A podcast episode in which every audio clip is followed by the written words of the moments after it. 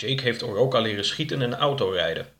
Ondanks enkele incidenten die zich hierbij hebben voorgedaan, is hij vaardig genoeg bevonden om verder te reizen. De weg naar de grens is lang en leidt onder andere door Georgia's buurstaat Alabama. Hoofdstuk 10 Drukke wegen, prikkelende hapjes.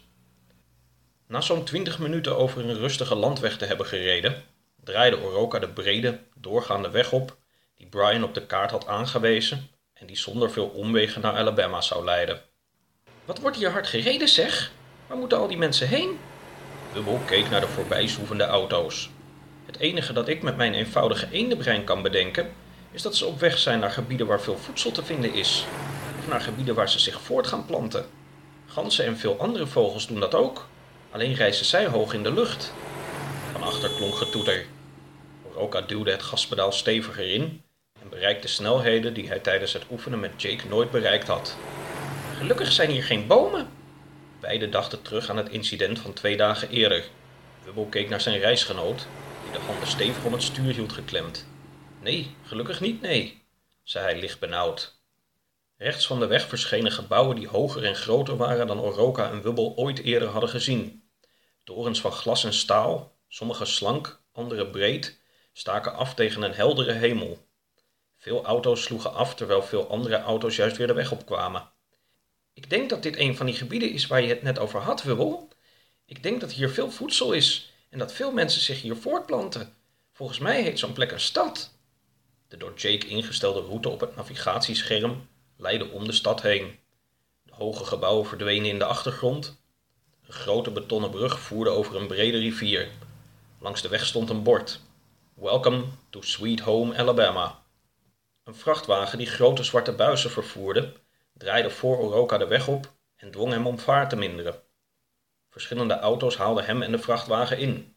Een opgejaagd gevoel waar Oroka al last van had sinds hij op de snelle weg het gaspedaal had ingeduwd, werd alsmaar sterker. Terwijl hij wachtte op een moment om in te halen, werd de weg smaller en minderde de vrachtwagen vaart. Van achter klonk wederom getoeter. Oroka vloekte een voor aardbewoners onverstaanbare vloek, waar Wubbel even raar van opkeek. Hij stuurde naar de tegenliggende weghelft en duwde het gaspedaal vol in. De snelheid die het oude wagentje haalde bleek lager dan verwacht. De vrachtwagen met de zwarte buizen bleek ook langer dan was ingeschat. De auto's die in de verte kwamen aanrijden, waren al snel niet zo ver weg meer. Wubbel raakte in paniek, terwijl een grote zwarte wagen, die uitstraalde dat hij met gemak door een stenen muur zou kunnen rijden en dat hij sowieso voor geen enkel obstakel wijken zou, met hoge snelheid op hen afkwam. De een sprong uit de gordel en begon razendsnel met zijn snavel aan de hendel van het raam te draaien. De vrachtwagen met de buizen zag het gevaar en ging vol in de remmen. Oroka reageerde vlug op de ruimte die hem geboden werd en stuurde scherp naar rechts. De bestuurder van de zwarte auto stak in het voorbijrijden zijn middelvinger op, terwijl Wubbel inmiddels half uit het raam hing. Oroka stuurde nogmaals naar rechts en reed van de weg af een veld in. Midden in het veld stopte hij en bevrijdde hij Wubbel, die nog altijd uit het raam hing en klem bleek te zitten, uit diens benarde positie. Ik stel voor dat we het anders gaan doen, zei Wubbel, na een paar minuten van stilte waarin ze beiden even hadden moeten bijkomen. Jij wilt naar het zuiden, omdat je hebt bedacht dat je daar moet helpen met het bouwen van een muur, toch? Nou, mij best. Misschien leg ik daar ook nog wel een steentje mee. Maar hebben we haast? Ik bedoel, hangt ons leven van die muur af? Nou, als ik het goed heb begrepen. Nee, nee, nee. Ik ben een eend en jij bent een buitenaards wezen. Onthoud dat goed. Ze mogen blij zijn met je voornemen, maar het zijn niet jouw problemen. Ik stel voor dat we over andere wegen gaan rijden. Rustig aan, zonder haast. En als we zien dat er ergens iets te beleven is, stappen we uit. We zijn toch op reis omdat we meer van de wereld willen zien? Ik ga niet dagenlang naar de achterkant van andere voertuigen kijken. Dan ga je maar alleen verder. Nee, we gaan het rustig aandoen. Oroka vouwde een grote kaart open, keek naar een weerwar van wegen en weggetjes, schudde zijn hoofd en vouwde de kaart weer dicht. Zolang we voorlopig het westen aanhouden, gaat het wel goed. Jij weet waar het westen ligt? Zo ongeveer. Na een paar honderd meter door een hobbelig veld te hebben gereden, bereikten ze een weggetje dat verder door een landelijke omgeving voerde. Een vrolijk bordje heette hen welkom in het dorpje Merlin. Aan weerszijden van de weg verschenen huizen waarvan Oroka in Georgia ook al veel had gezien. Vrijstaand, met brede oprijlanen, veranda's en kort gemaaide gazons. Bij een kleine fontein, Omringd door diverse bloemenperkjes, zei Wubbel dat hij wat gras wilde eten. Er zitten hier wespen, zei Wubbel met een snavel vol gras. Oroka, die wat slokken uit de fontein nam, keek naar de vliegende, geelzwarte insecten. Hij hapte naar een van de diertjes en vermaalde hem tussen zijn tanden.